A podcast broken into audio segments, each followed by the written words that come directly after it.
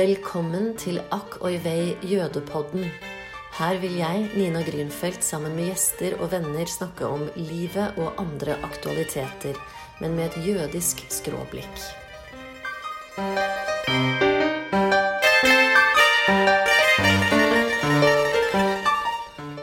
Andre episoden av Akkovei jødepodden får dere møte psykiater Rami Aronsson og psykolog Berit Reisel, som forteller om da de på 1970- og 80-tallet arbeidet undercover for å hjelpe refuseniks, dvs. Si forfulgte jøder, ut av daværende Sovjet. Berit og Rami forteller om sin jødiske oppvekst i etterkrigs-Norge, om deres politiske aktivitet på venstresiden, om kampen for å gi de sovjetiske jødene frihet, om deres forhold til Israel og hvordan Israel tok og tar imot flyktninger. Samtalen fant sted høsten 2021 og er redigert ned. Hei, Berit. Hei, Rami. Velkommen til Jødepodden. Eh, jeg har invitert dere til meg for å prate om um, refuseniks. Jeg tenkte kanskje aller først, Rami, kan ikke du fortelle litt om deg selv? Om din barndom, din ungdomstid, dine valg i livet? Bare så vi vet hvem du er. Jeg kom til Norge som seksåring fra Sverige i 49. Min far tok da stillingen som rabbiner i menigheten i Oslo. Og det var da en tid hvor menigheten så vidt begynte å eh, reeksistere og reise seg litt opp etter eh, katastrofen under annen verdenskrig. Eh, så jeg vokste opp her til, vi, til min far flyttet med hele familien til en kibbutz i Israel i 1959. Jeg kom tilbake hit for å avslutte gymnaset og studere medisin i 1961, tror jeg det var. Noe sånt noe. Og så flyttet jeg til Israel på egen maskin der, etter at jeg var ferdig med turnustjenesten min i 1971. Når er du født, Rami? Jeg er født i 1943. I februar 43. Under krigen? Under krigen. Jeg er født i Finland. Og på morssiden er jeg fjerde generasjon av finske, finskfødte jøder. Min oldefar var en av disse ungdommene som ble tatt i, i tsarens eh, armé her eh, som 13-åring og måtte være 25 år som soldat. Og da han ble dimittert, så fikk han lov å bosette seg i Finland, som da var et russisk eh, hertugdømme. Og han var blant de som da startet den jødiske menigheten i Finland. Men altså, du er da nesten Du er litt finsk, du er litt svensk, du er litt norsk, du er litt israelsk. Hva er du? Hva føler du egentlig at du er? Det eneste jeg ikke føler at jeg er av alt dette, eh, det er finsk. Men jeg er uten tvil norsk og Israel. Og kjenner vel Norge i grunnen svært godt på grunn av at jeg Siden jeg har vært kommunelegevikar i en masse forskjellige kommuner i Norge, Nord-Norge, Vest-Norge, og siden jeg har bodd her i mange mange år. Er også en datter her og et barnebarn her. Mm. Årene fra 49-59 i Oslo var vel preget av at det var svært få eh, barn, ungdommer i min alder som var i den jødiske menigheten. Det var få som var igjen. Eh, og lite tilbud av aktivitet i grunnen i eh, 56-57 eller noe sånt, nå, begynte jeg en jødisk ungdomsbevegelse som heter Bnei Akiva, som i, som er svært aktiv i mange mange, mange land, også Israel. Og begynte en eh, avdeling av den i Oslo. Og der samlet det seg en 10-11 ungdommer. Eh, men min identitetstilhørelse og min historiske identitet den er først og fremst jødisk. Og i veldig stor grad knyttet til Israel. Både staten Israel, men kanskje i større grad enn staten Israel, selve begrepet Israel og landet Israel. Betyr det det samme som sionisme? Ja, det er en form for sionisme. sionisme er ikke én ting. Eller sionisme har mange forskjellige uttrykk. Og den opprinnelige sionismen er, en, er religiøst basert. Det er håpet og ønsket om å komme tilbake til det landet han ble, var fordrevet fra. Eh, med en, som har en veldig sterk religiøs betydning. Eh, senere er det også utviklet andre former for politisk sionisme.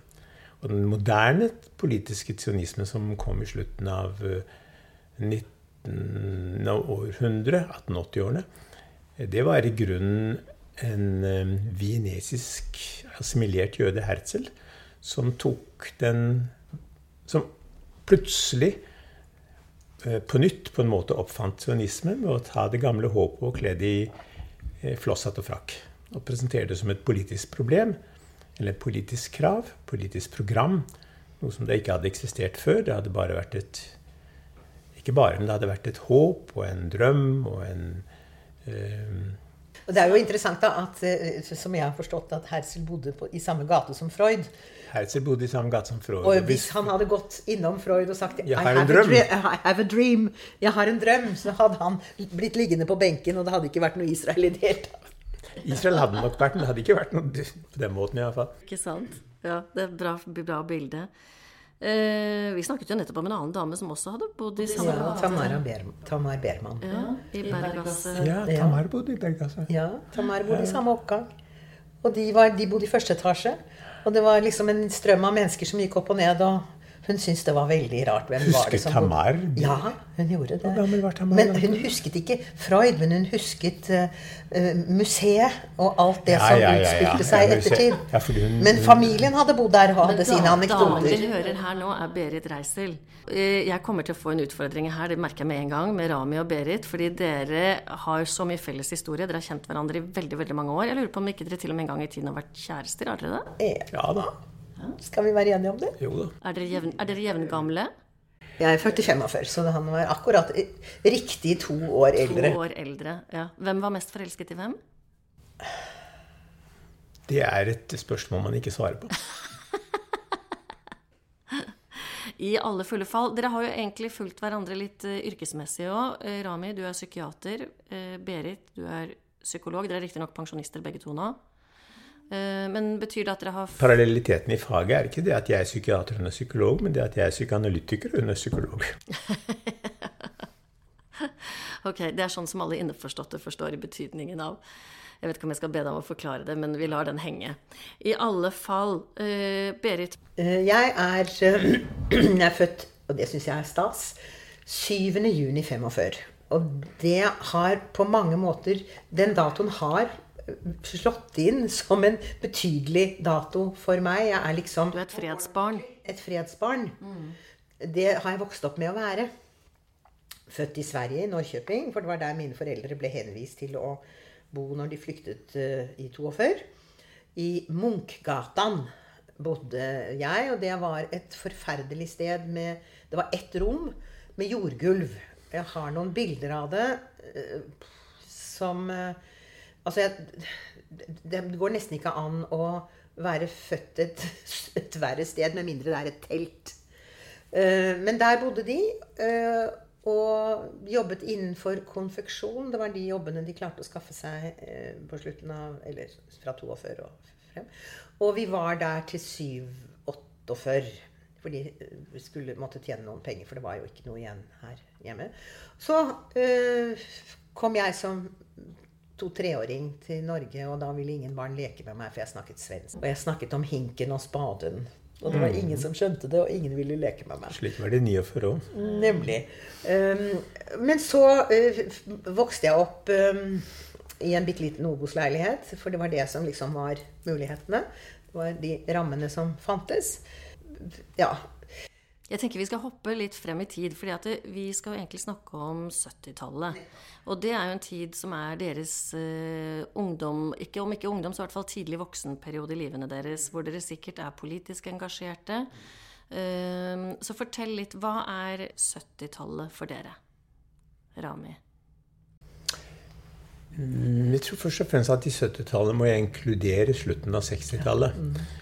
At 70-tallet begynner i ca. 67. I 67 skjedde selvfølgelig mye, men det er først og fremst seksdagerskrigen. Først og fremst opplevelsen av et akutt, reelt og eh, forferdelig skremmende mulighet av at staten Israel skulle bli utslettet. Og det er vanskelig i grunnen å oppleve det i dag, eller forstå det skikkelig i dag. Men jeg merker at stemmen min blir annerledes når jeg tenker på det. Um, det var, det var tross alt bare tolv år etter den store krigen. Selv om det virket lenge siden. Og plutselig så hadde vi da eh, dette, situasjonen med en omring og en trussel fra alle omliggende land. Og direkte verbale og reelle trusler om at denne, dette landet og denne staten dette folket skulle utslettes igjen. Mm. Og da en som satte i gang en masse, masse ting inn igjen. Og så satte i gang dette at Hvorfor forstår ikke folk det? Hvorfor reagerer ikke folk? Jeg var aktiv i, på venstresiden i studentaktivitet øh, øh, og politikk.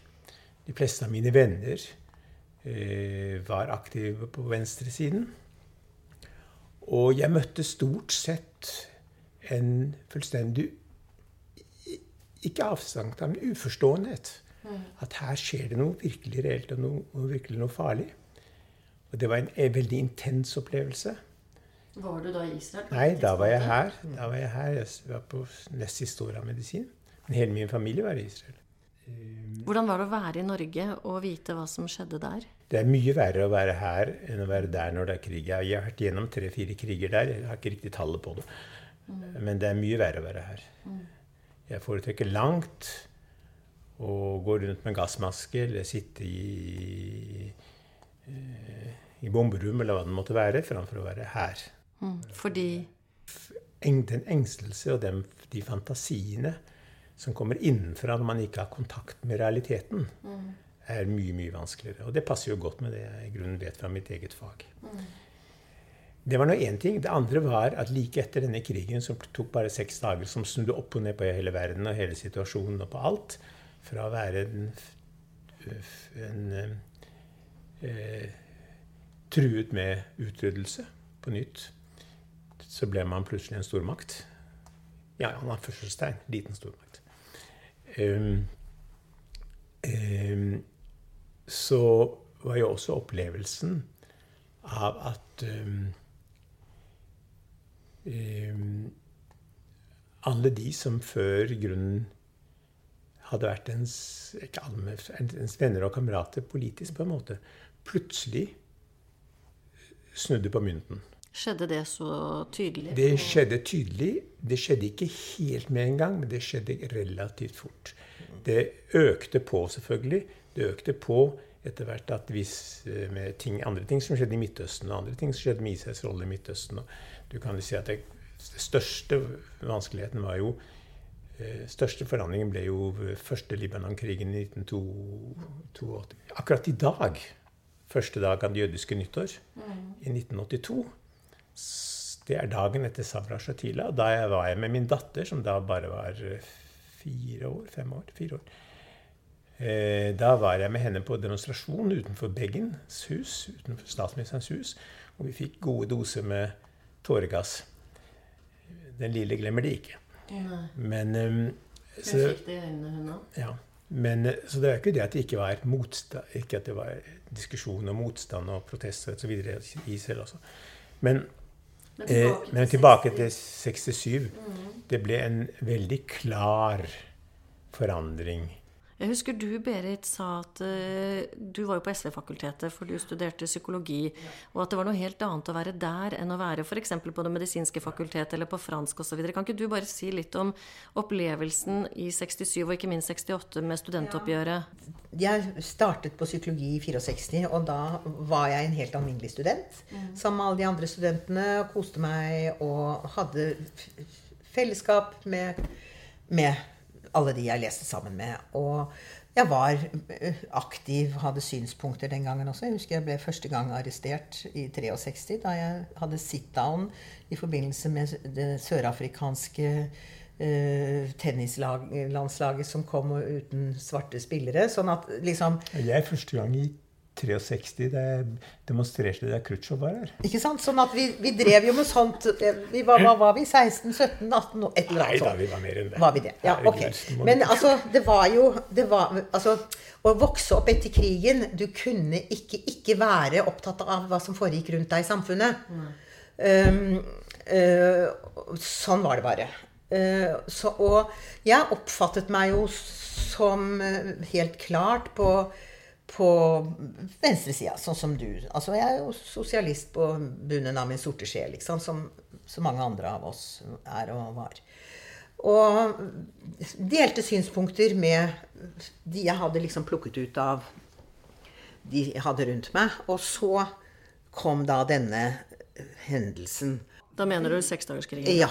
Og på en sånn, altså, så snudde det. Og plutselig så var det sånn at når jeg kom inn i et rom, så stanset folk å snakke sammen. Der kom representanten for elendigheta. Og det var en massiv opplevelse av å bli ekskludert, av å bli øh, definert som en representant Jeg sluttet å være meg. Opphørte å være meg. Og ble redefinert som representant for en overgriper. For ja, alt det. Men det er jo interessant altså, Jeg bare tenker, jeg er jo født i 66, og for meg så skjedde jo dette i sammenheng med intifadaen i 82. Men, men, men det Altså, hva er sammenlignet, da? 67 med 82? Hva er forskjellen? Jeg tror at det, Jeg må si at jeg opplevde ikke så sterkt så sterke ord som det du sier i 67. Men du valgte SV-fakultetet? Eh, Nei, på, på, med, jeg hadde jo Mine venner var ikke der. Mine venner var ikke på medisin. stort sett. Det vil si, på medisin var det Vi var opptatt av fag. Det var greit nok. Eh, men eh, jeg tenker på det at litt etter litt jeg tror Det som skjedde i 67, og som skjedde på nytt igjen i 82 osv., det er den store synden er jo at vi overlevde. Og vi overlevde eh, fordi vi hadde krefter, fordi vi hadde makt. Fordi vi kunne vise makt. Hvis vi hadde vært snille og bare dødt, eh, så hadde de vært flinke og flotte. Da hadde vi vært helter og martyrer. For da hadde vi ikke hadde vi vært, sagt alle er like snille, og så kan vi dø. Det er som du pleier å si, Berit, at det er så utrolig spennende med døde jøder. Døde jøder er helt ok. Det er skikkelig kult. Levende jøder er et problem. Skikkelig irriterende. Og det er selvfølgelig ikke noe som Dette er ikke Dette er ikke um, Hva sier man kosher man si? Politisk. Vet ikke hva kosher er på norsk.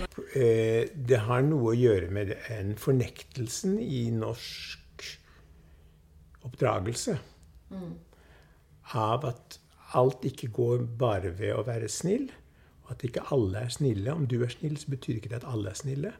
Og at du noen steder må sette grenser. Og at grenser kanskje må settes der hvor eh, det gjelder eh, om man skal bli skadet, eller om man skal miste sitt liv. Og at alle setter slike grenser. Men dere, en ting var jo da alt dette som eh, med seksdagerskrigen og hvordan det påvirket deres liv her eh, og slektninger i Israel. Men hva betydde seksdagerskrigen og 68 studentoppgjøret for jøder i Sovjet? Jødene i Sovjet eh, var det som Wiesel kalte de tause jøder. De kunne ikke uttrykke sin jødedom. Det gjaldt ikke bare dem, det gjaldt andre religiøse minoriteter også. De var stemplet i deres papirer at de var som, som eh, nasjonalitet jøde. Men de kunne ikke eh, uttrykke noe av de, nasjonal, na, de rettigheter som nasjon eller nasjonalitet har. Eh, I 67 brøt Sovjet forbindelsen med Israel, den diplomatiske forbindelsen. Det fantes ingen måte jøder kunne ta kontakt med omverdenen og med Israel. Og det fantes ingen måte Israel kunne ta kontakt med den jødiske befolkningen der. De visste lite om hverandre. De var de jødene som ble borte. Dette at Israel ikke gikk under, men dette at Israel mm, klarte å stoppe og beseire alle disse fem eller seks arabiske land, hvor mye det var. Tre, fire, jeg husker ikke. Det er det samme nå burde ikke. Det å overleve, det førte til en oppvåkning av jødisk du kan si nasjonal stolthet og egenverdi etc. etc. Og det førte til at mengder av unge jøder som bare hadde visst de var jøder, begynte å interessere seg. Begynte å ville samles, begynte å ville lære ivrit, og dette ble forbudt. Og det ble dannet undergrunnsgrupper som lærte seg. Og dette visste man lite om i Israel. Det var ingen mulighet til å få kontakt. Og da var det en mann som het Arje Kroll, eh, medlem av Kibbutz Saad, som foreslo Israel at man kunne forsøke En religiøs jøde.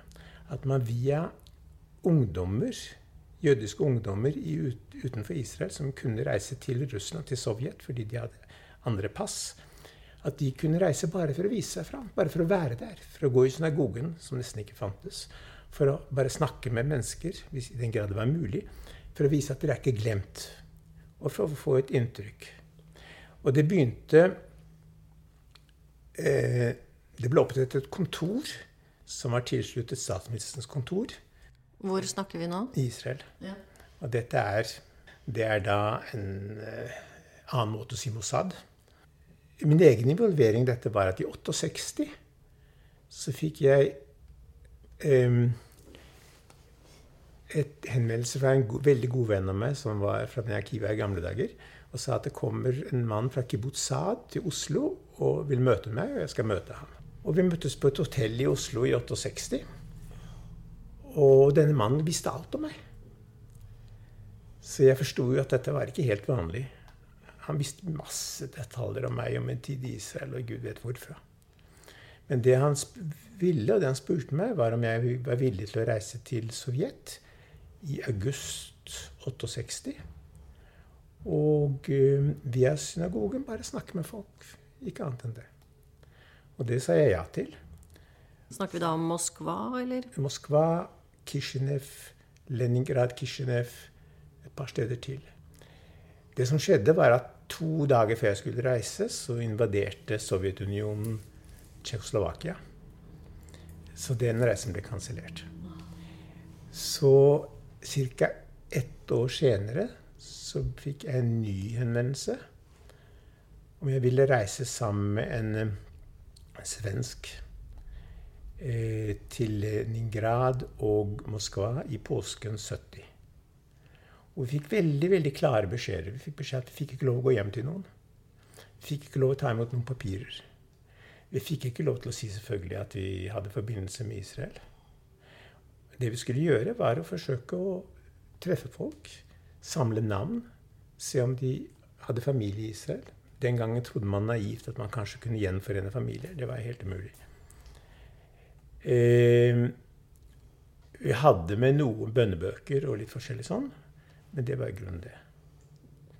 Reiste du da inn med falskt pass? Eller? Nei, jeg reiste med vanlig norsk, norsk, visum og norsk pass. Det var ikke noe, jeg skulle ikke spionere på noe. Jeg skulle ikke noen ting, ikke noe som helst. Det var ikke noe illegalt. Det var ikke noe illegalt i det der i det hele tatt. Så skjedde det som er litt spesielt, og som ikke skjedde med noen Det var mange slike grupper som reiste opp gjennom årene. Etter hvert ble dette en ganske stor bevegelse med hundrevis av slike smågrupper. Men det er senere, fra 69, fra 71 og videre. Dette var helt i børjan. Historien er Jeg kunne jo ikke russisk, men jeg lærte meg da bokstavene, slik at jeg kunne finne fram ved et kart og lese de gatenavnene uten å, vite, uten å kunne si noe. Det begynte allerede på toget, med undersøkelsen og alt det der. Og på hotellet, selvfølgelig, hvor hver gang vi gikk ut av rommet, så ringte den dama som concierge som er på hver etasje. Og jeg la hår i Som, som røverroman. La noe hår i låsen på kofferten når jeg gikk ut. Når jeg kom tilbake igjen, så var håret borte, selvfølgelig. Og alle sånne ting. Vi ble jo fulgt, det var ganske klart. I synagogen jeg gikk til synagogen fredag morgen. Og min første liksom, sjokkopplevelse der var jo at eh, jeg, ingen snakket med meg. Ingen hilste på meg. Og da jeg gikk fra synagogen, så var det en eldre dame som gikk etter meg. Og jeg går og går, og hun går og går, og sånn går det. Og så kommer hun litt langsomt opp til meg. Og på et dårlig jiddisch så begynner hun å spørre hvor jeg er fra. Fra Norge. Hva gjør jeg? Jeg er lege. Og så videre og så videre. Helt sånn vanlige spørsmål. Det viste seg dette var helt uskyldig. Hun hadde en datter, og hun trodde at hvis man gifter seg med en utenlandsturist, at man kan komme ut Så det, det stemte jo ikke, da. Da jeg kom til synagogen om kvelden, fredag kveld, så står jeg der, og så kommer folk forbi, og så tar de boken, bønneboken min, og så ser de bare at den er trykket i seg, og så gir de den tilbake igjen. Og etter en stund så hører jeg at det er en som står bak meg, som i bønnene sier på eh, hebreisk Jeg skal jidisk, jeg husker ikke.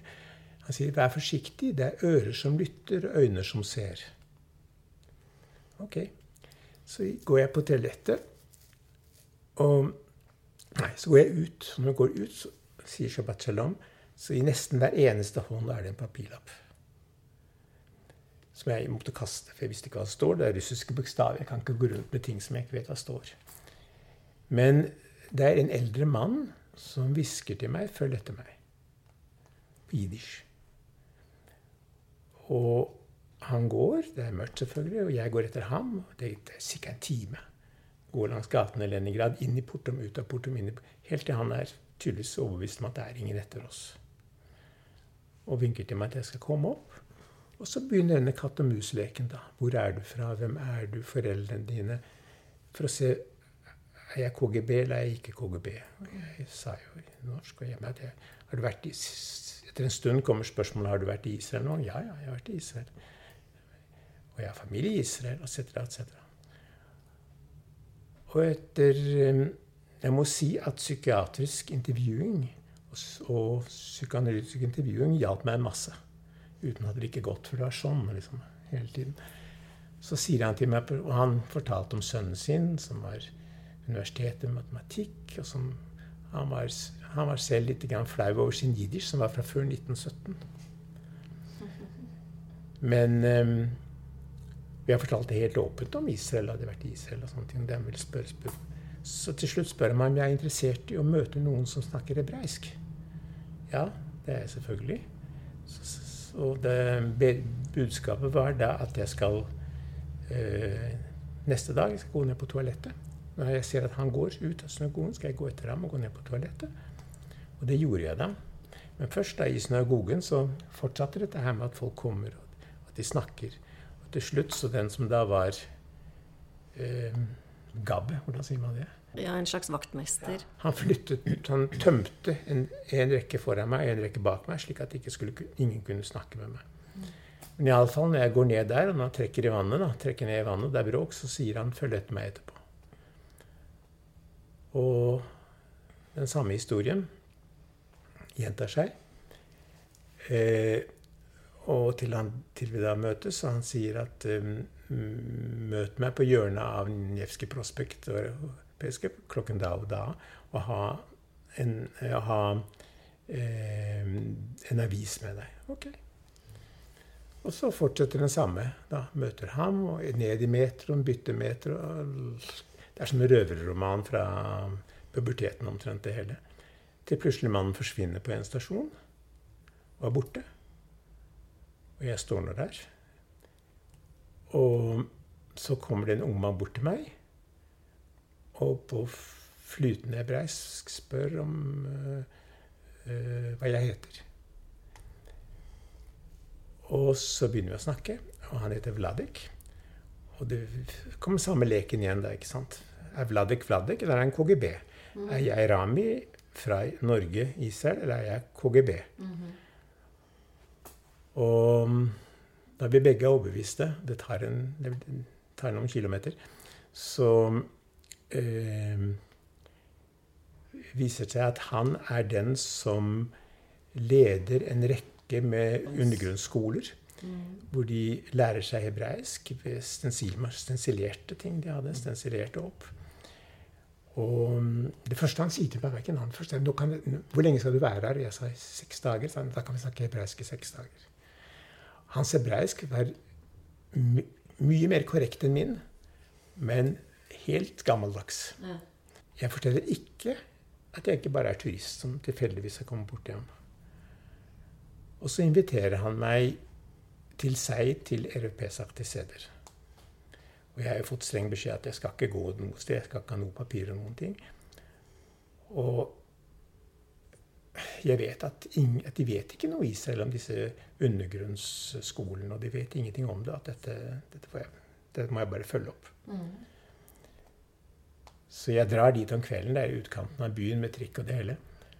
Og kommer inn i en liten leilighet hvor Vladek og hans kone er. Og de har en liten sønn på ett år. Og han har foreldrene der. Men foreldrene ville ikke være i samme rom med meg. fordi hvis de skulle bli tatt, så ville de være utenfor, slik at de kunne ta vare på sønnen. Mm.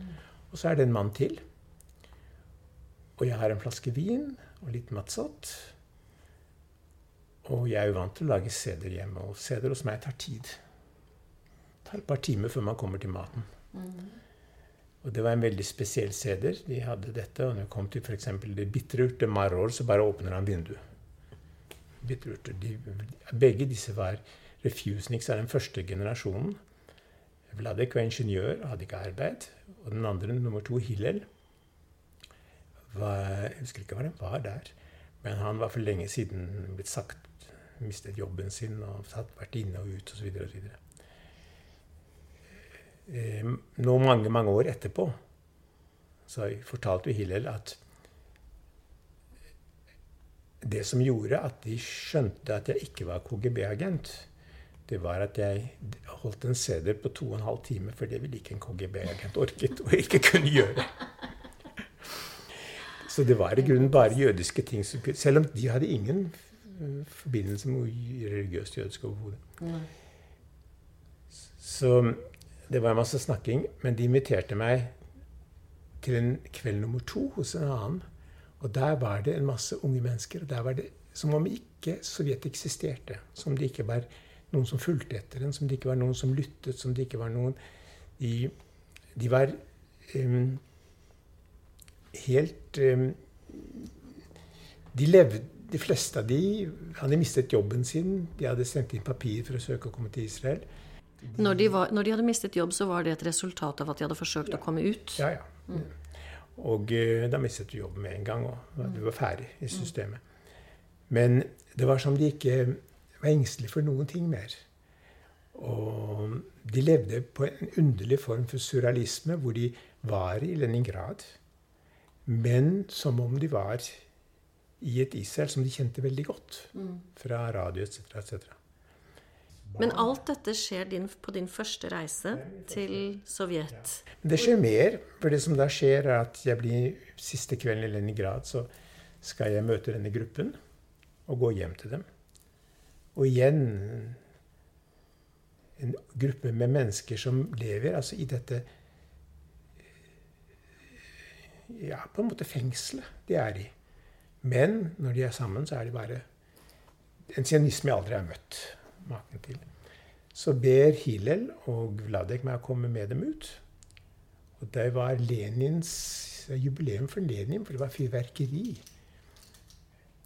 Og så sier de da at um, de har hatt diskusjon i gruppen sin. Og eh, om de skulle besluttet at de vil tiltro meg eh, en plan de har, en mulighet de har. Om, men det er en konflikt i gruppen om hva de skal gjøre. Det er tre, de har tre muligheter. De er helt desperate. De klarer ikke, orker, ikke dette mer. ene muligheten det er de vet at ingen vet om dem, og de vet at de må få verdens oppmerksomhet. Så den ene muligheten det var at de skulle holde en pressekonferanse. Og det var klart at den ville, med utenlandske korrespondenter, at det ville vare veldig kort. Det ville være noen minutter, så ville de være arrestert. Den andre var å holde en, offentlig, en demonstrasjon ute, og den ville være kanskje enda kortere. Og det tredje var at en del av gruppen eh, ville kapre et fly. Og de hadde to medlemmer av gruppen som var piloter. De var fra Riga, Dymschitz og Kuznetsov.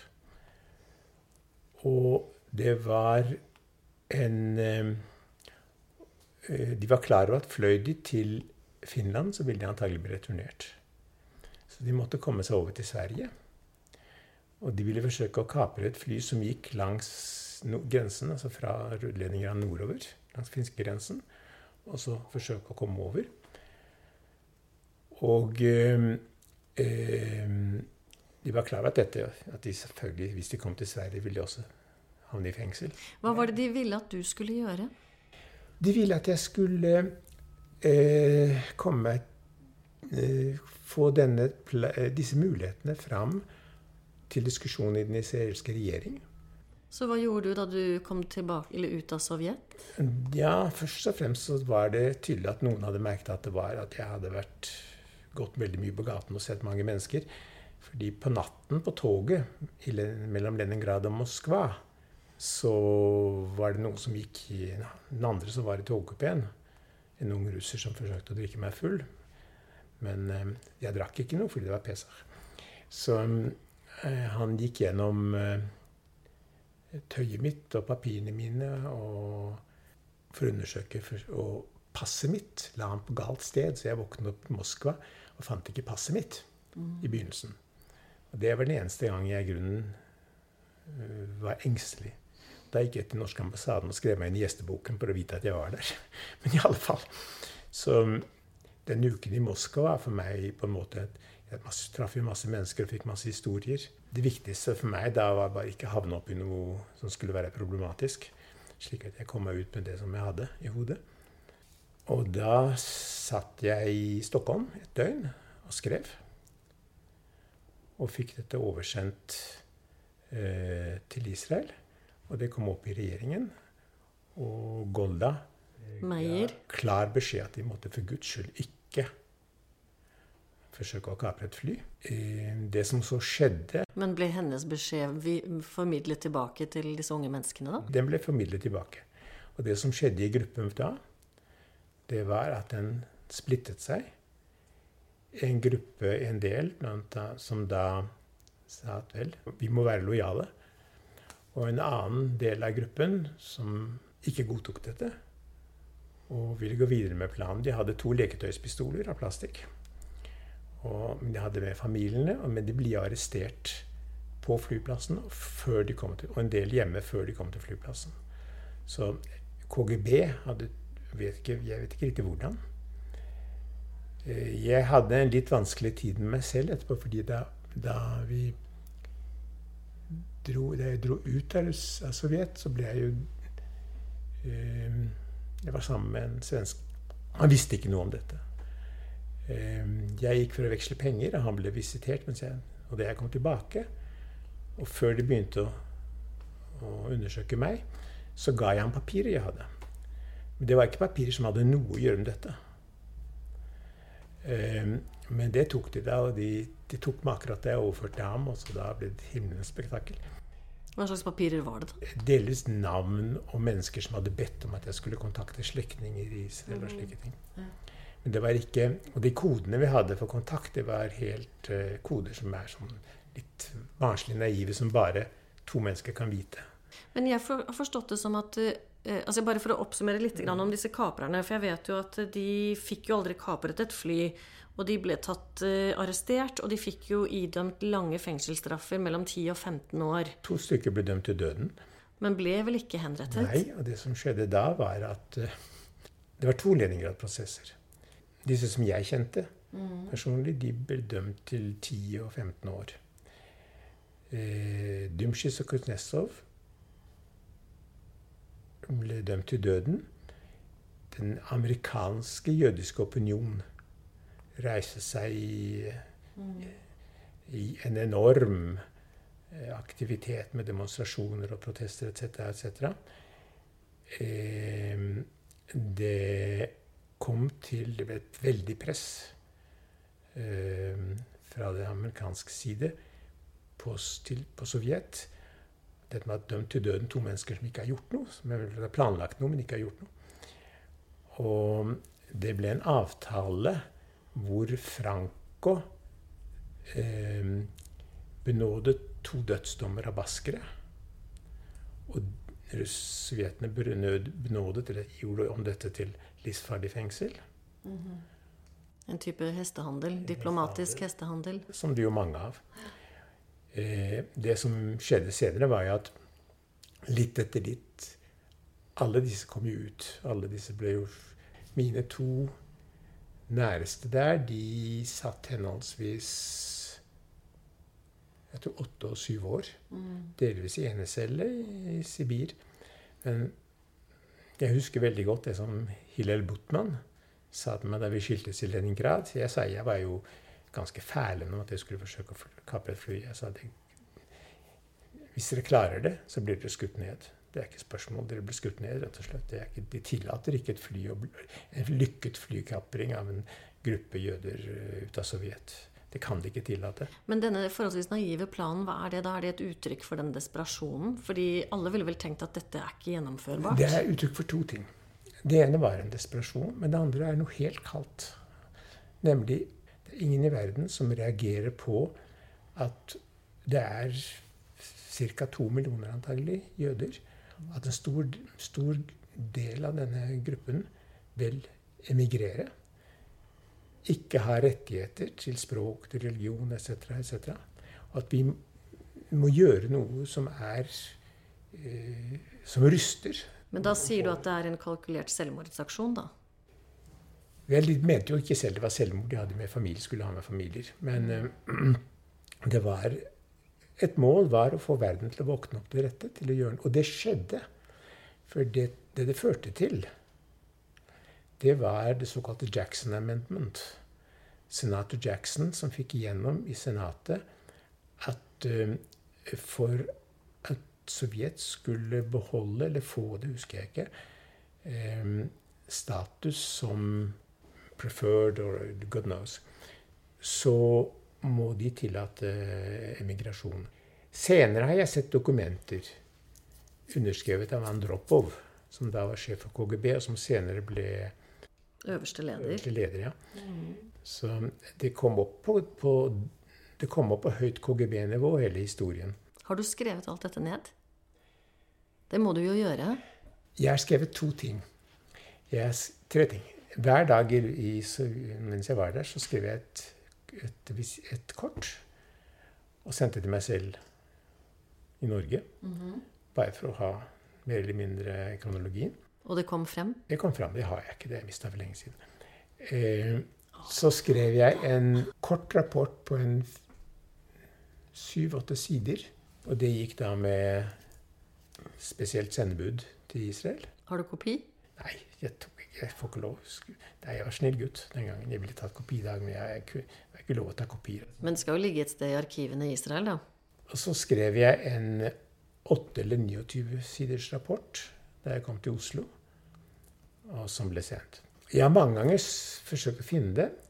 De har, de har bare rot i arkivene. Men så ringte jeg opp til noe Det er en Foundation for the Soviet Russian Heritage, God knows what. Mm -hmm. Eh, som viser seg å være et kontor ved siden av statsministerens kontor, som viser seg å være en del av Mossad.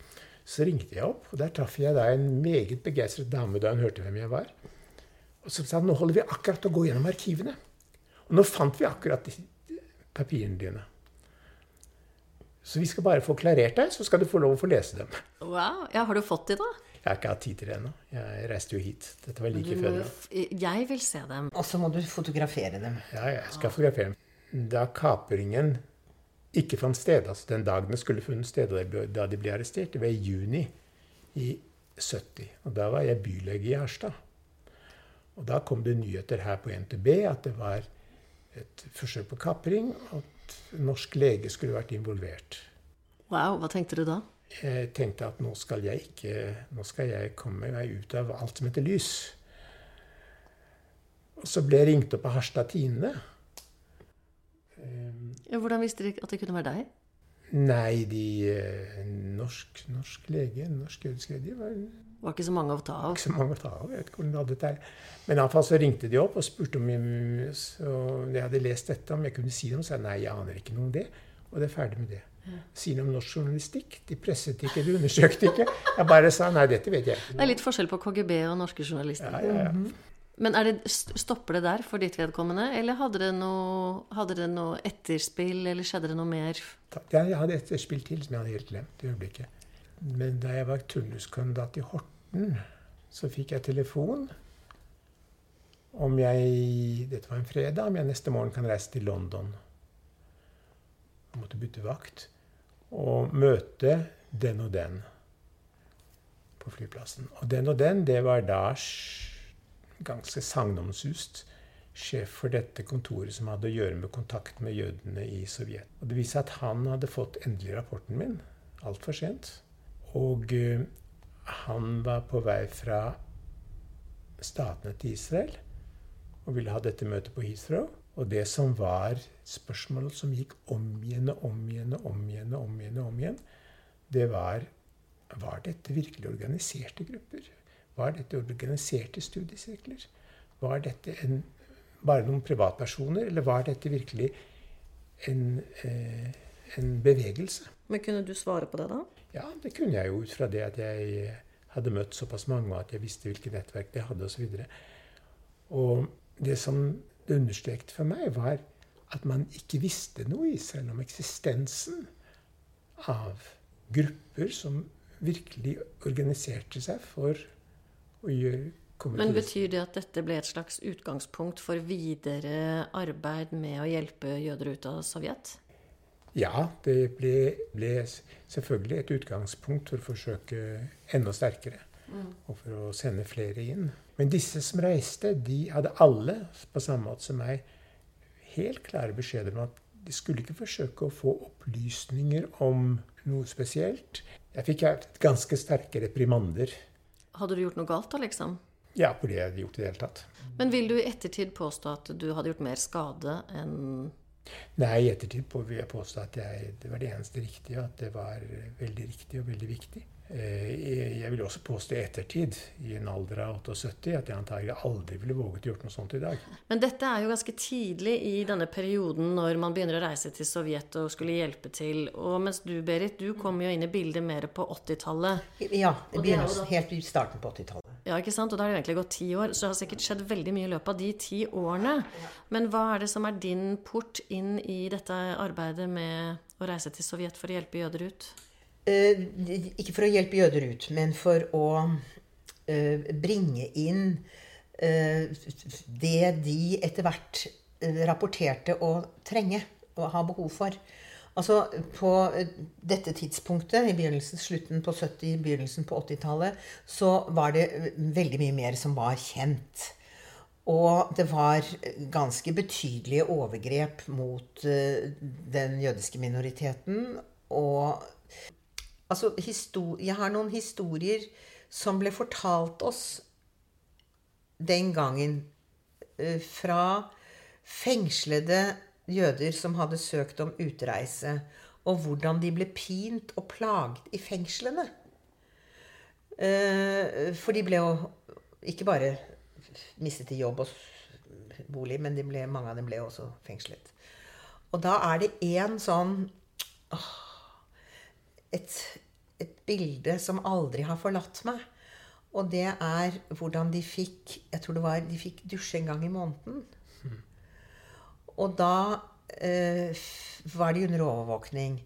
Sånn at de fikk utdelt et såpestykke, og så såpet de seg inn, og så slo de av vannet. Mm. Og jeg har aldri Altså, jeg syns det er så grusomt. Jeg har aldri glemt det. Og så var det en måned til neste gang. Hvor det da selvfølgelig klødde og Altså, det var så utspekulert pining i fredstid, for å si det sånn. Det var, det var, jo en bevegelse hvor flere og flere søkte om utreisetillatelse. For, og de var liksom etter hvert sånn pressgrupper, etter hva jeg erindrer. Og det var da systematisk uh, uh, reaksjon. Eh, og det var at de mistet jobbene sine. Ofte var jobbene knyttet til bosted, så de mistet også bostedet sitt. De måtte flytte inn hos mennesker de kjente, eller ikke vet jeg hvor de ble av. Og de levde under ekstremt kummerlige forhold. Eh, og eh, det man, man, man, visste etter hvert veldig mye mer enn man gjorde ti år tidligere. Som betød at jødiske grupperinger rundt omkring begynte å uh, finne ut av hva er det vi kan gjøre som har full frihet for å komme disse menneskene til unnsetning. Hva er det de har behov for? Hva er det de trenger? Hva er det de ønsker fra oss? Mm. Hvem er oss i denne sammenhengen? Hvem er det du da reiser på oppdrag fra? Jeg reiser på oppdrag altså, Og det var jo noe av det som eh, liksom kjennetegnet dette den gangen jeg var med på det, og det var at vi skulle ikke spørre hvem som uh, Oppdaga de samme som jeg reiste. Ikke sant? Og jeg spurte heller ikke og visste ingenting. Så ingen av dere vet hvem dere dro for? Ingen av oss visste Nei. den gangen hvem dro Og det for. var ikke interessant. Ikke, Det var ikke interessant. ikke. Vet dere det i dag? Ja. Ja, Men det, den gangen var det sånn OK, Fartig, fortell meg hva jeg skal gjøre. det er helt opplagt at vi skulle bare reise. To aspekter. Det ene er det er en del av de De uttrykker meg litt litt? Odiøst. odiøst, litt sånn stort. Det er en del av de jødiske folk som trenger noe, som behøver noe, som vi har. Og vi er helt frie til det. Ja. Og det andre er at det er en del av det samme folk som eh, Kan man gjøre noe for å hjelpe dem for også å komme ut til få kontakt? Ja, altså Vi visste jo ikke hva det var de trengte. Vi kunne jo ikke hjelpe dem til å komme ut. Men vi kunne hjelpe dem eh, på en eller annen måte fordi de selv visste hva de hadde behov for. Og eh, vi eh, På det tidspunktet så var det ikke lov å reise eh, som enkeltperson inn i Sovjet. Du måtte reise som del av en eh, turistgruppe. Og du måtte søke visum eh, fordi du var på pakketur. Og det var veldig strenge instruksjoner om at man hadde ikke lov til å forlate gruppen, og man hadde ikke lov til å eh, undersøke Eller være vanlig turist i et vanlig land. Men jeg må bare ta en gang til. Vet dere i dag hvem dere reiste for da? Ja, ja vi reiste for det. Vi reiste organisert. Det, vi, det ante vi ikke den gangen. Vi ante ikke at det eksisterte noe. Men var det Mossad? Var det hvem? Det er et kontor, det heter kontoret for Det heter Netiv. Netiv betyr sti. Den stien, veien. Og det var et kontor som var organisert Som lå under statsministerens kontor. Så dere reiste for den israelske stat? Nei, Nei, nei, vi gjorde ikke det. Altså, jeg tenker at vi- Ingen av oss visste det, iallfall. Nei.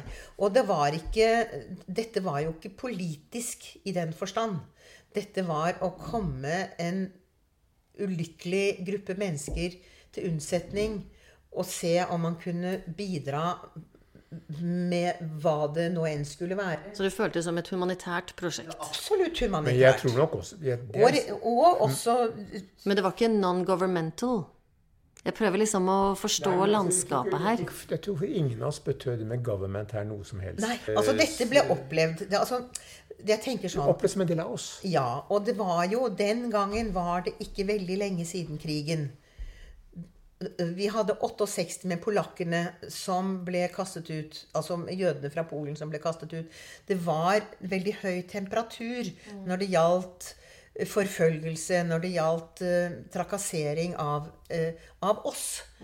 Og det var oss. Dette handlet om oss. Det er, var som om det var din egen familie som veldig- var i nød. Det er, det er helt essensielt at, at det det gjaldt oss selv.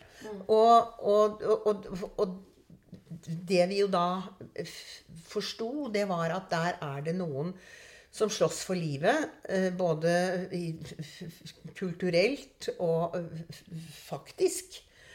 eh, Og som ikke har noen muligheter til å redde seg. Mm. Og da stiller du simpelthen bare opp. Sånn er det bare. Og det som jeg da var med på, det var at jeg måtte da Vi var alltid to som reiste sammen. Eh, ofte en av hvert kjønn. Det var det beste. Eh, for da kunne du illudere eller faktisk være et par. Uh, og gjennom hele søkeprosessen på dette hva det nå var for slags reiseselskap, og det var jo et spetakkel å få visum. og eh, det- var jo en forestilling i seg selv å søke visum på den russiske, sovjetiske ambassaden. For der kunne du sitte flere dager og ikke vite hvorfor du bare ble sittende. Og så plutselig så var det arbeidsdagen slutt, og så måtte du komme igjen neste dag. I Oslo. Og så f- fikk jeg da denne tillatelsen til å være med. Men jeg hadde jo min egen instruks om at jeg skulle da illudere og være fryktelig interessert i hva dette reiseselskapet hadde å tilby. Men jeg skulle jo da forsøke Vi skulle da eh, leve, være parallelle turister, eller hva skal jeg kalle det.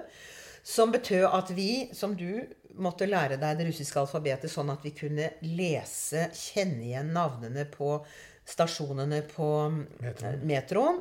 Eh, og gatenavn. Eh, og for vi hadde jo da en instruks som vi måtte memorere, ikke skrive ned.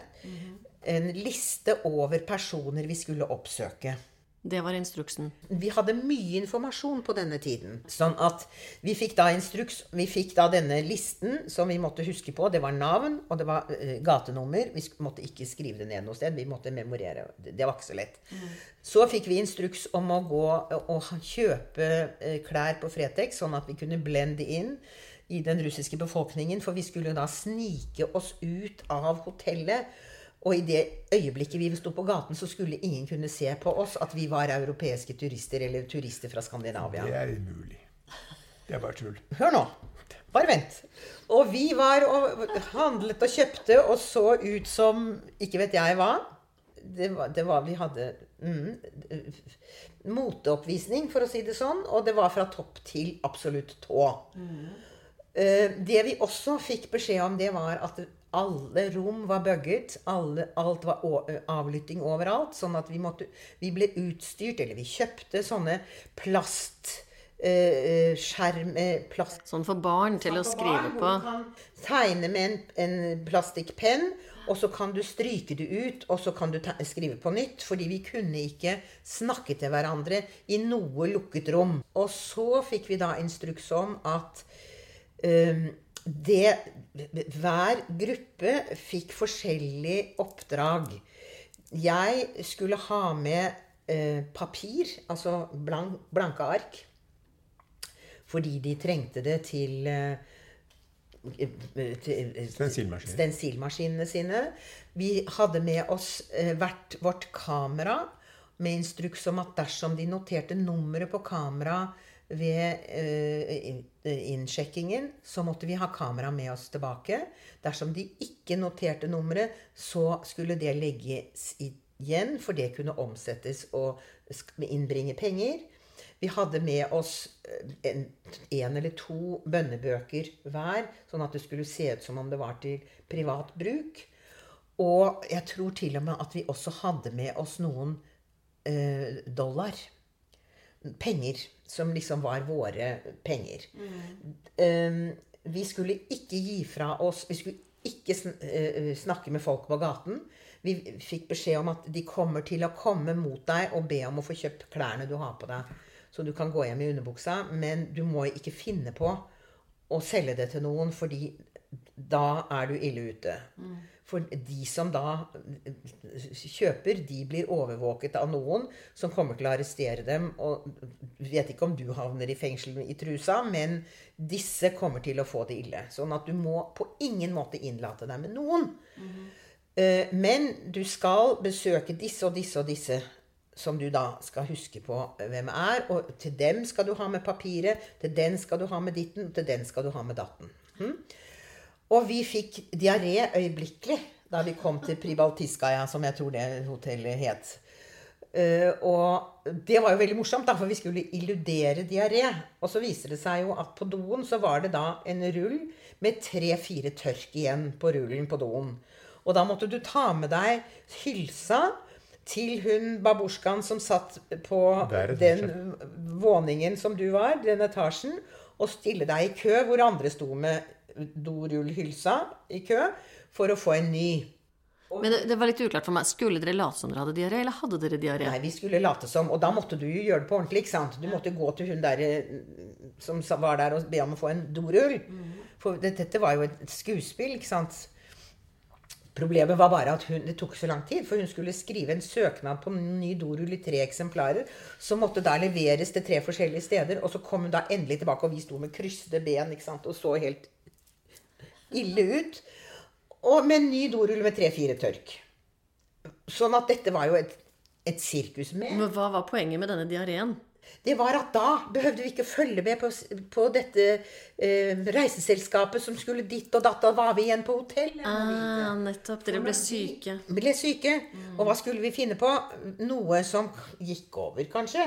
Skjønner. Sånn at vi kunne være med i morgen eller dagen etter. Altså Vi måtte jo spille litt frem og tilbake, for vi skulle ikke skape mistanke. Nei. Og vi klarte da å få blitt tilbake på hotellet mens reiseselskapet for av gårde. Så snek, og da snek vi oss ut. Da hadde vi jo kledd på oss ikke sant? sånn det vi skulle. Hadde med oss en pose. Så Og trodde trodde dere var blitt usynlige. ja, og så hadde vi på en jakke utenpå alt det Fretex-klærne. Og tok av oss det. Og gikk ut i verden. Og det morsomme var jo at da vi kom tilbake til hotellet om kvelden, så kom vi ikke inn, for de trodde vi var russere. Så da fungerte Det det jo, da, Rami. det fungerte. Som bare Det det. var rart. Vi så helt eh, ekte ut, skal jeg love deg. Og så var det da, og så klarte vi jo da å finne disse menneskene. Og det vi også var blitt eh, rådet til, det var at Altså Disse tingene som vi hadde i kofferten, de var jo ting som tollerne gjerne ville ha. Et kamera, eh, eh, bøker Altså sånn. Så det vi ble rådet til, det var at øverst i kofferten skulle det ligge en Playboy eller to. Altså et sånt eh, magasin med nakne damer. Og damebil Altså sånn sanitary sanitary pads for damer som menstruerer. For det syns de var ekkelt. Så da rotet de ikke videre ned i kofferten. Så det var liksom Vi hadde det på toppen. Hadde bind, som vi kalte det i gamle dager. Og eh, Playboy og Cocktail og disse bladene. Og det funka. Det funka. Sånn at vi eh, de, de noterte ikke nummeret på kameraene. Og vi fikk levert alt det vi skulle de gangene. Eh, og det var noen ganger hvor eh, de kom og liksom skulle være veldig ubehagelige mot oss. Og det vi da gjorde, det var at vi startet med å kline. Råkysse. Og da trakk de seg tilbake, og så viftet de oss igjennom. Så det var mange sånne smarte teknikker for å komme rundt. Og når vi fant disse stedene hvor vi skulle være, så var det sånn som du beskriver, Rami, at det åpnet seg en dør. Det var jo, det var jo ikke lov til å samles mer enn fem mennesker. Sånn at de stedene vi var, der gikk det folk opp og ned trappene. For å forvirre hun tanta som sto nede med feiekosten. For det var jo i hver eneste oppgang var det noen som hadde i oppdrag å eh, tyste på noen og angi noen. Og de var jo da ute og ordnet og stelte i bedene eller feide på fortauet eller passet på å slipe gelendere eller vaske trappen. Altså de var i oppgangen hele tiden. Så hvordan de forvirret henne, det var ved å gå fire-fem mennesker opp og tre-fire-fem mennesker ned. Og syv-åtte. De holdt på hele dagen å gå frem og tilbake, frem og tilbake. En masse mennesker. Sånn at hun ble jo Visste jo ikke til slutt hvem som var inne. Men var ikke det i seg selv veldig unaturlig? Ja, det var sånn de drev det. De kunne ikke, altså, og det å ringe på hos noen var jo ikke ulovlig. Så, Jeg ville bare tenkt at hvis det var så stor aktivitet, så ville det vært en vekker i seg selv. ja, men de visste jo. Men de kunne ikke ta dem på noe. For altså, sånn var det. Så vi kom inn, og da var det faktisk en ordentlig gruppe mennesker som satt samlet. Og som snakket hebraisk. Og som var opptatt av dette landet, det idealiserte Israel. Sånn at det var nesten litt vanskelig å ikke helle bitte lite grann kaldt vann i årene på dem. Hva slags bilde tror dere de hadde av Israel? Hva var det de så for seg? alt det de ikke hadde hjemme. Der var det full frihet, der ville noen komme dem i møte, der ville de få all mulig hjelp og støtte og på et blunk leve lykkelige liv. Du har kunnskap på én side, det er nå én ting. Men du har den, det indre ønsket og det indre behovet, som ikke nødvendigvis har uh, forbundet med kunnskapen om det. Ja, Men var det nei, Israel de drømte om, eller var det det, var USA? Eller Nei, nei, det det var Israel de drømte om, og de kunne fortelle oss hvordan det var i Israel. Ja. Og de hva kunne- De da? visste, og da var det sånn at dette var et land altså, jeg Det var husker- melk og honning? Det var det på, på alle mulige måter. Han presset meg opp på et hjørne. Jeg trodde han skulle nesten dra, slå meg. Han kunne ikke forstå hvis jeg var norsk og bodde i Norge og var lege i Norge. Hvorfor var jeg i Norge? Hvorfor kan en ikke skjønne, kan jeg ikke skjønne at det er dette som kan skje, sånn som de er det. Det kan skje når som helst, hvor som helst, med jøder hvor som helst. Hvordan har det seg at jeg ikke har, at jeg ikke har benyttet meg av min frihet til å reise? Mm. Ja. Og Det forsto vi ingenting av. var- Hvorfor i all verden vi bodde i Norge. Når vi bare kunne pakke sakene våre og flytte til Israel, som var den store drømmen. Um, ja. Nei, det, det er jo interessant. Det sier jo noe om deres perspektiv, selvfølgelig. Altså, de hadde jo da ikke noen realitetsorientering om at dette er et helt alminnelig land med konflikter og med Men Rami, du har jo bodd veldig mange år i Israel, egentlig hele ditt voksne liv. og vel så det. Hvordan har det gått med refusnikene, disse, altså de sovjetiske og senere de russiske jødene i Israel? Dette er jo et veldig stort spørsmål, for det er jo mange. Den første gruppen kom da i 73-74.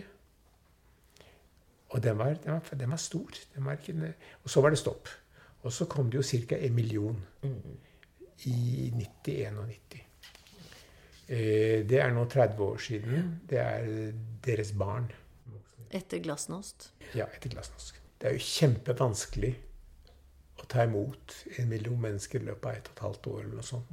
I et land som i utgangspunktet består av kanskje på det tidspunktet seks millioner? Ja, på den, den gangen. Pluss at de kom mens vi var i krig. Det var, de kom under, under Gulfkrigen.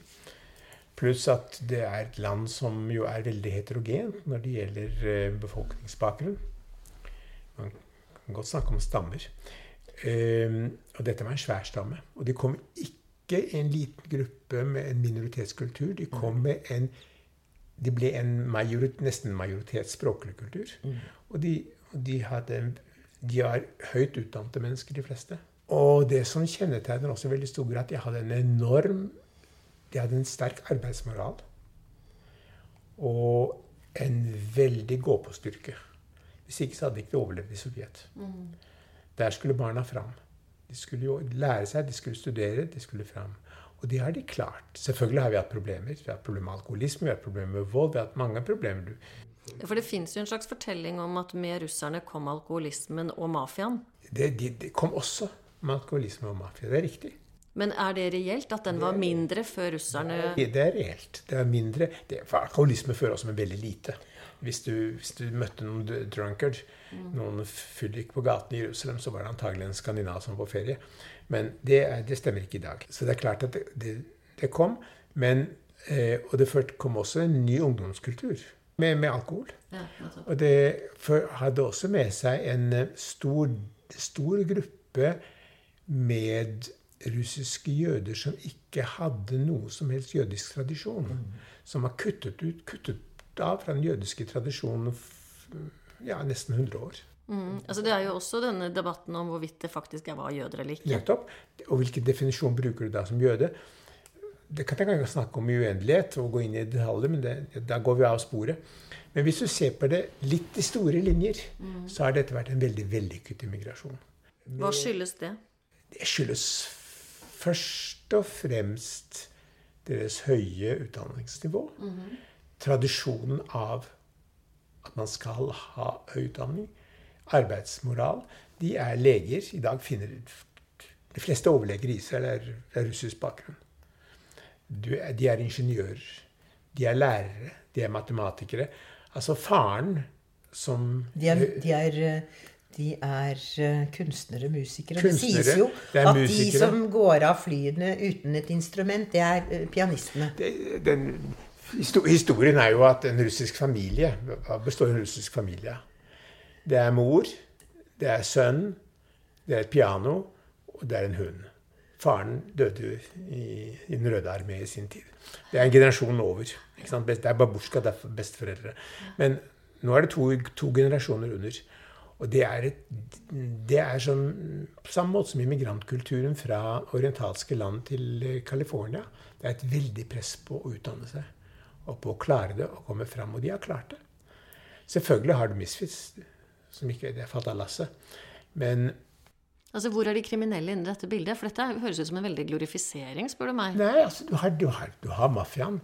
Den russiske mafiaen. Du har russiske på samme måte som du har Men det kan jo ikke være ingeniøren og doktoren. Det må være den andre. Det andre det er businessmen, og det er de som kom som storbusinessmenn og mafionærer fra, fra, fra Russland. Og også en del av det ble i Russland Du har kontaktene til Russland. Du har disse store organisasjonene. Visst har du det. Visst har du det. Og selvfølgelig har, vi, har de sine representanter innenfor tyver og mordere og prostituerte. De som alle andre grupper.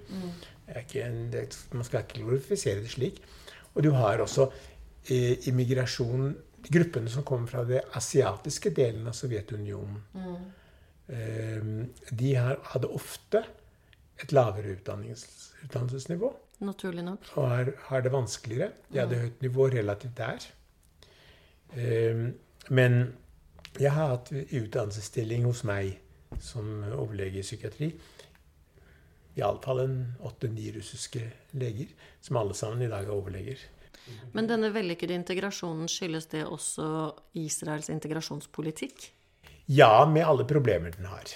Mm. Eh, kan, eh, det er masse, masse ting man kan kritisere, og det er masse gærne ting som gjøres.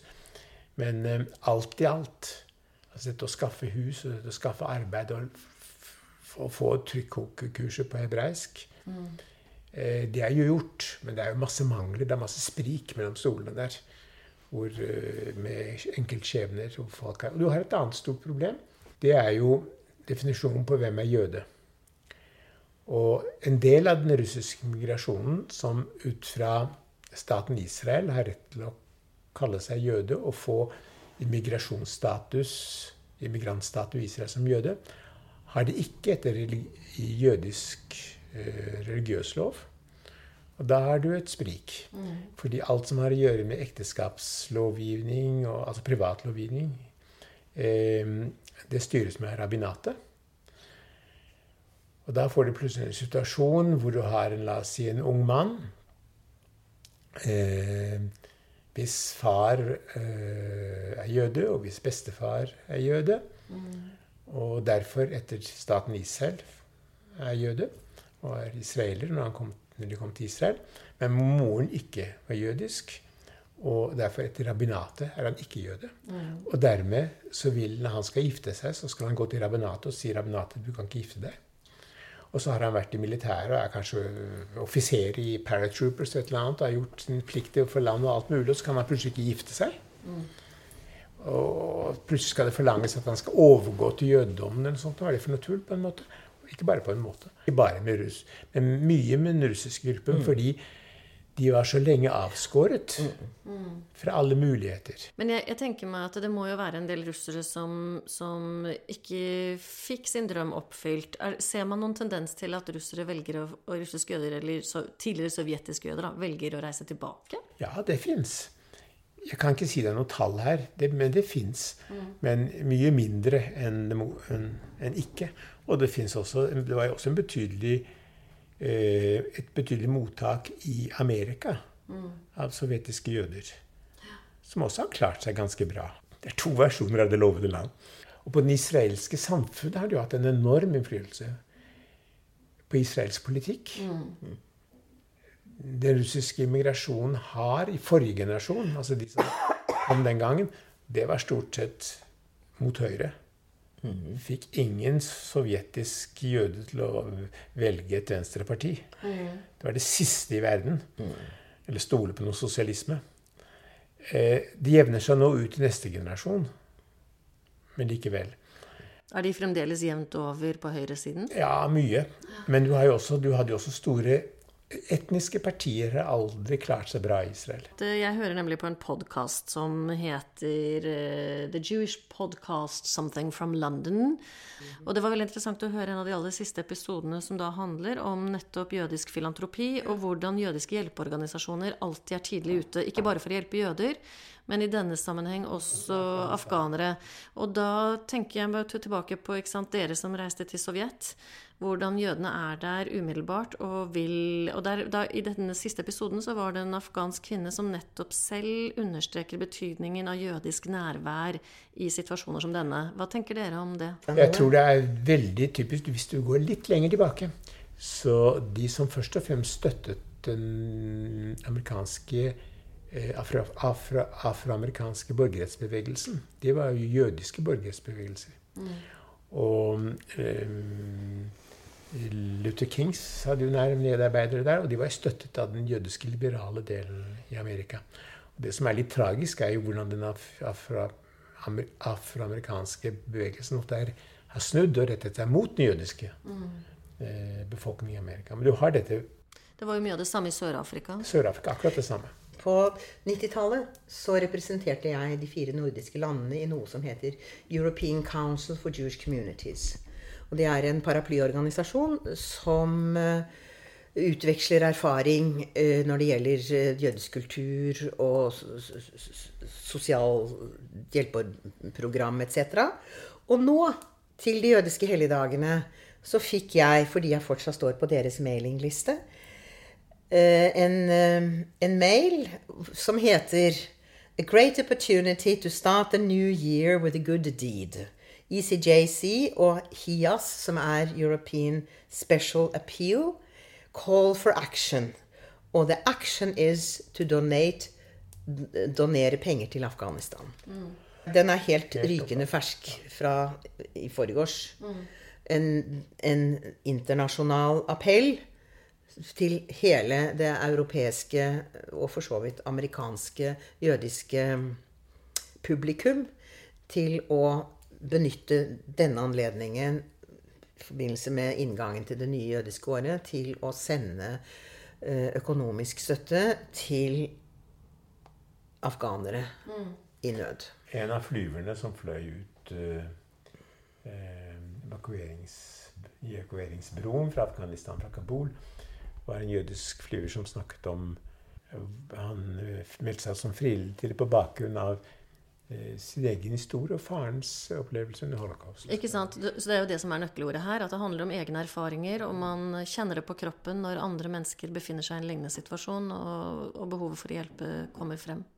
Og det er ikke nødvendigvis egen personlig erfaring fra sitt eget liv som det er en historisk identitet. Mm. Altså det, det, går flere generasjoner tilbake. Mm. Hvilket jo fører oss tilbake til det vi har snakket om hele helgen når vi var på Jødisk kulturfestival i Trondheim, nemlig hvem er et vitne? Og hvem forteller historien videre? Og hvem, hvem eier historien? Osv. Mm. Vil dere ha en kaffekopp til, eller? Ja. Jeg tar gjerne en kopp. Ja, ja. Mm. Takk for at du lyttet til Akk og vei jødepodden, som er støttet av stiftelsen Fritt Ord. Musikken er laget av Jens Wendelboe.